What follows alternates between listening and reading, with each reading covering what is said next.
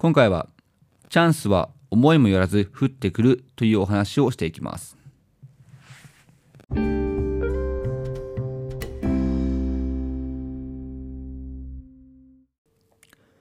こんばんはヒロトのふらっと独り言12月17日の配信をしていきます。はい、えー、最近ちょっと、まあ、悩みというかあのー、困りごとが一つありましてえー、僕今このラジオをあのマイクを通してあの配信をしてるんですけども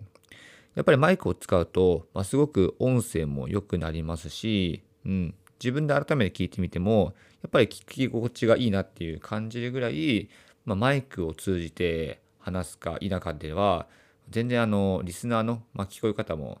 ま違うなと思ったのではい、えー、かれこれですねマイクを使ってはもう23ヶ月ぐらいは続けているんですけども最近ちょっとこのマイクがたまに調子がおかしくてですねなんか音がまブチブチブチってなってしまったりとか、うん、たまにまエラーが起きるということでまあそういう時はま何度も何度も取り直しをしてるんですけども、えー、つい昨日はもうこのブチブチの状態がもう全然治らなくてまあその状態も気にせずに、まあ、一回撮ってみたんですね。なんですけども、まあやっぱ改めて聞いてみると、うんまあ、どうしてもその音が気になって、まあ、途中で聞きたくなくなっちゃったなっていうふうに感じたので、まあ、今日は、えー、改めて撮り直しをしました。はい。まあ、なんでね、内容としてはもし、まあ、聞いてくださった方は同じかもしれないんですけども、えー、今日もですね、えー、チャンスは思いもよらず降ってくるということでお話をしていこうと思います。はい。えー、これはですね、まさに僕が今直面している、えー、状況でして、僕今、えー、普段は、まあ、金融機関で働いて、まあ、個人のお客さんを中心にあの金融商品を販売するってことを、えー、仕事にしてるんですけども、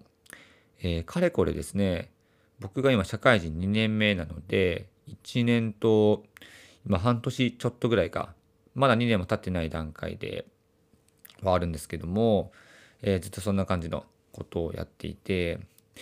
で、つい、本当先日、確か一昨日えー、か、その前ぐらいか、ぐらいに、いきなり、その支店の中の一番偉い人、まあ支店長ってのがいるんですけども、その人に午前中呼ばれまして、その呼ばれた時は、あれもしかしてなんかやらかしたかなとかちょっとあまりにも成績が悪すぎていろいろと詰められるのかなって思ったんですけども、えー、そこでですねその支店長の部屋で、まあ、2人きりになってまず第一声言われたのが「まあ君の移動が決まったよ」とあのそんなことを言われました。まあ、正直それ言われた瞬間はもう全然なんかねあの何も考えられなかったですね。まさかまだ2年目の自分がしかもこの中途半端なもうやっとこ2020年が終わろうとしていてで2021年もう新年を迎えるちょうどその間ぐらいの時期うん本当に中途半端な時期にこういう移動のことを言われたのでまあ正直ですねすごくまあきょとんとしてあの聞いてたのを覚えてます。なのでもう全然話もあのそんな入ってきてなかったんですけどもまあ、とりあえずはあ自分は移動するんだって、うん、ことを言われましてでこの移動っていうのがあのですねまあ、えー、思いもよらずあの、まあ、ネガティブなことではなくて結構ポジティブな内容だったんですね。はい。まあ、なので、えー、まあ、一応本当に本当にいい言葉で言えば抜擢という表現が、えー、当てはまるのかもしれないんですけども、まあ、そんな感じのことを言われて、はい。でその移動する部署っていうのが、えー、今までは個人のお客さんを対象にしていたんですけども、えー、今度はまプロのお客さんを相手にする感じですね。うん、例えば、えー、ま年金を運用している、えところであったりとかあとは、まあ、あの運用会社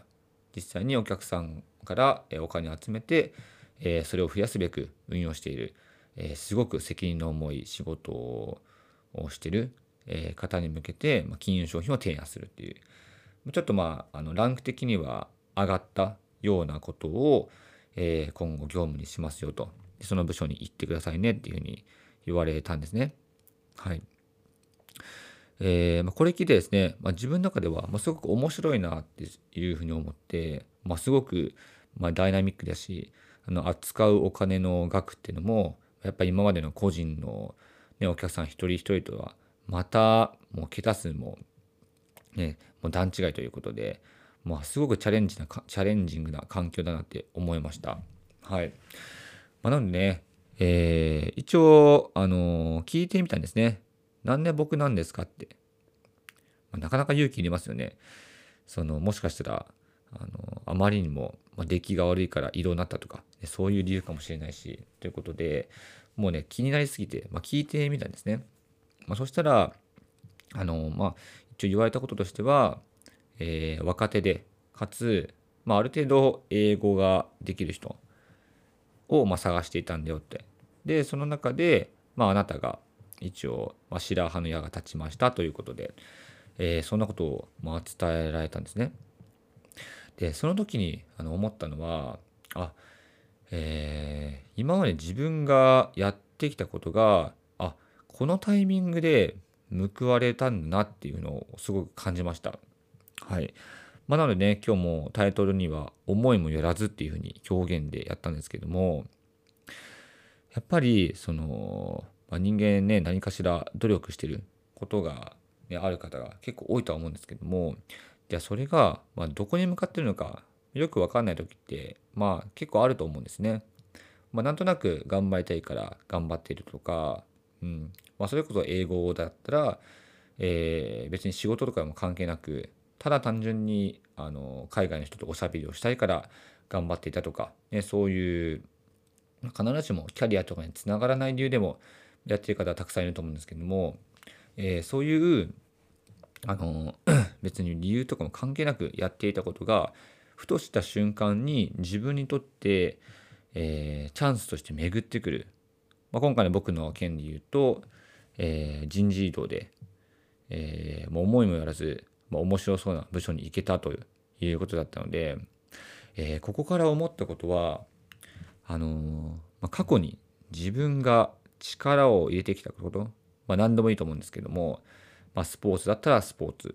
うんまあ、勉強だったら勉強で、まあ、何でもいいと思うんですけどもっていうのは、まあ、巡り巡って必ずプラスに返ってくるのかなっていうことをあすごく、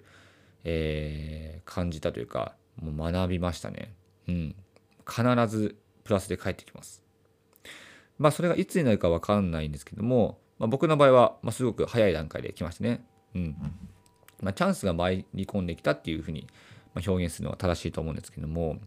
やっぱりこれって本当なのかなっていうふうに、えー、すごく感じて、まあ、単純に移動ももちろんなんですけどもこういう気づきも一つ大きな収穫でした。はいえーまあ、ちなみにですね今日その部署に初出勤になったんですね。はい。もういきなりもう移動を言い渡されて、えー、かれこれもう2日後2日後ぐらいのあの配属だったのでもう本当に慌ただしい中行ったわけなんですけれどもあの感想としてはまあもう国際色豊かでもういろんな人材がいて、うんまあ、もちろんその日本人もいればえー、まあ、中国の方もいましたしあとはイギリスのエリートの人もいましたね。うん、とかとか、えー、いろんな人がいて、まあ、しかもそのどの人もすごく人柄がいい方が多くてですね、うん、だからこの環境だったらすごく頑張れそうだなっていうのを率直にすごく感じました。まあ、上司の方もすごく気にかけていただいて本当にもうねあの何もあの、ま2年間しかやってないので、まあ、能力を身についてもない中、まあ、すごく歓迎をしてくれて、えーまあ、すごく仕事熱心な姿を見て本当にねワクワクが止まらなかったです正直。もうこれはもう嘘偽りない感情だったんですけども、えー、やっぱりこういうワクワクが生まれたのも、まあ、自分が過去に頑張ってきたものがあるからこそだなって思ったので、えー、やっぱりですね、うん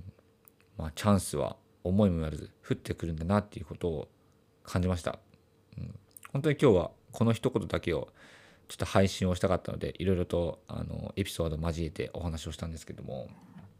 はい、まあ、なのでもし今何か頑張っていることがあったりとか何か目指しているものがあった場合には、まあ、途中で、えー、ちょっとこれって自分にとってあんまりメリットないんじゃないかなって思う時期ももちろんあると思うんですよ。うん、例えばどうしてもなんだろうな、まあ、成績が振るわなかったりとかもしくは周りがやっていないこと、うん、なんで自分だけこれ頑張ってるんだろうって。別に頑張らなかったらその時間で遊べばいいじゃんみたいなね。思う時あると思うんですけども。でもそういう経験っていうのは必ずあの、まあ、いつ来るかはわからないんですけども必ずプラスで返ってくる、うん、自分がワクワクするような環境に、えー、連れてってくる。あのそういうツールにもなるなと思ったのでもう是非とも、えー、もし今なんかもう頑張ってるけどもやめるかやめないかを、えー、迷ってる方いらっしゃいましたら是非とも、えー、脇目を振らず突き進んでみてほしいなって思いました。はい。必ず、えー、プラスで帰ってきます。ということで、えー、今日はそんなお話を、えー、させていただきました。はい。えー、今日はですね、チャンスは思いもよらず降ってくるということで、実際の実体験を交えてお話をさせていただきました。はい。えー、また明日以降も元気な配信をしていくので、ぜひとも楽しみにしていてください。それでは、バイバイ。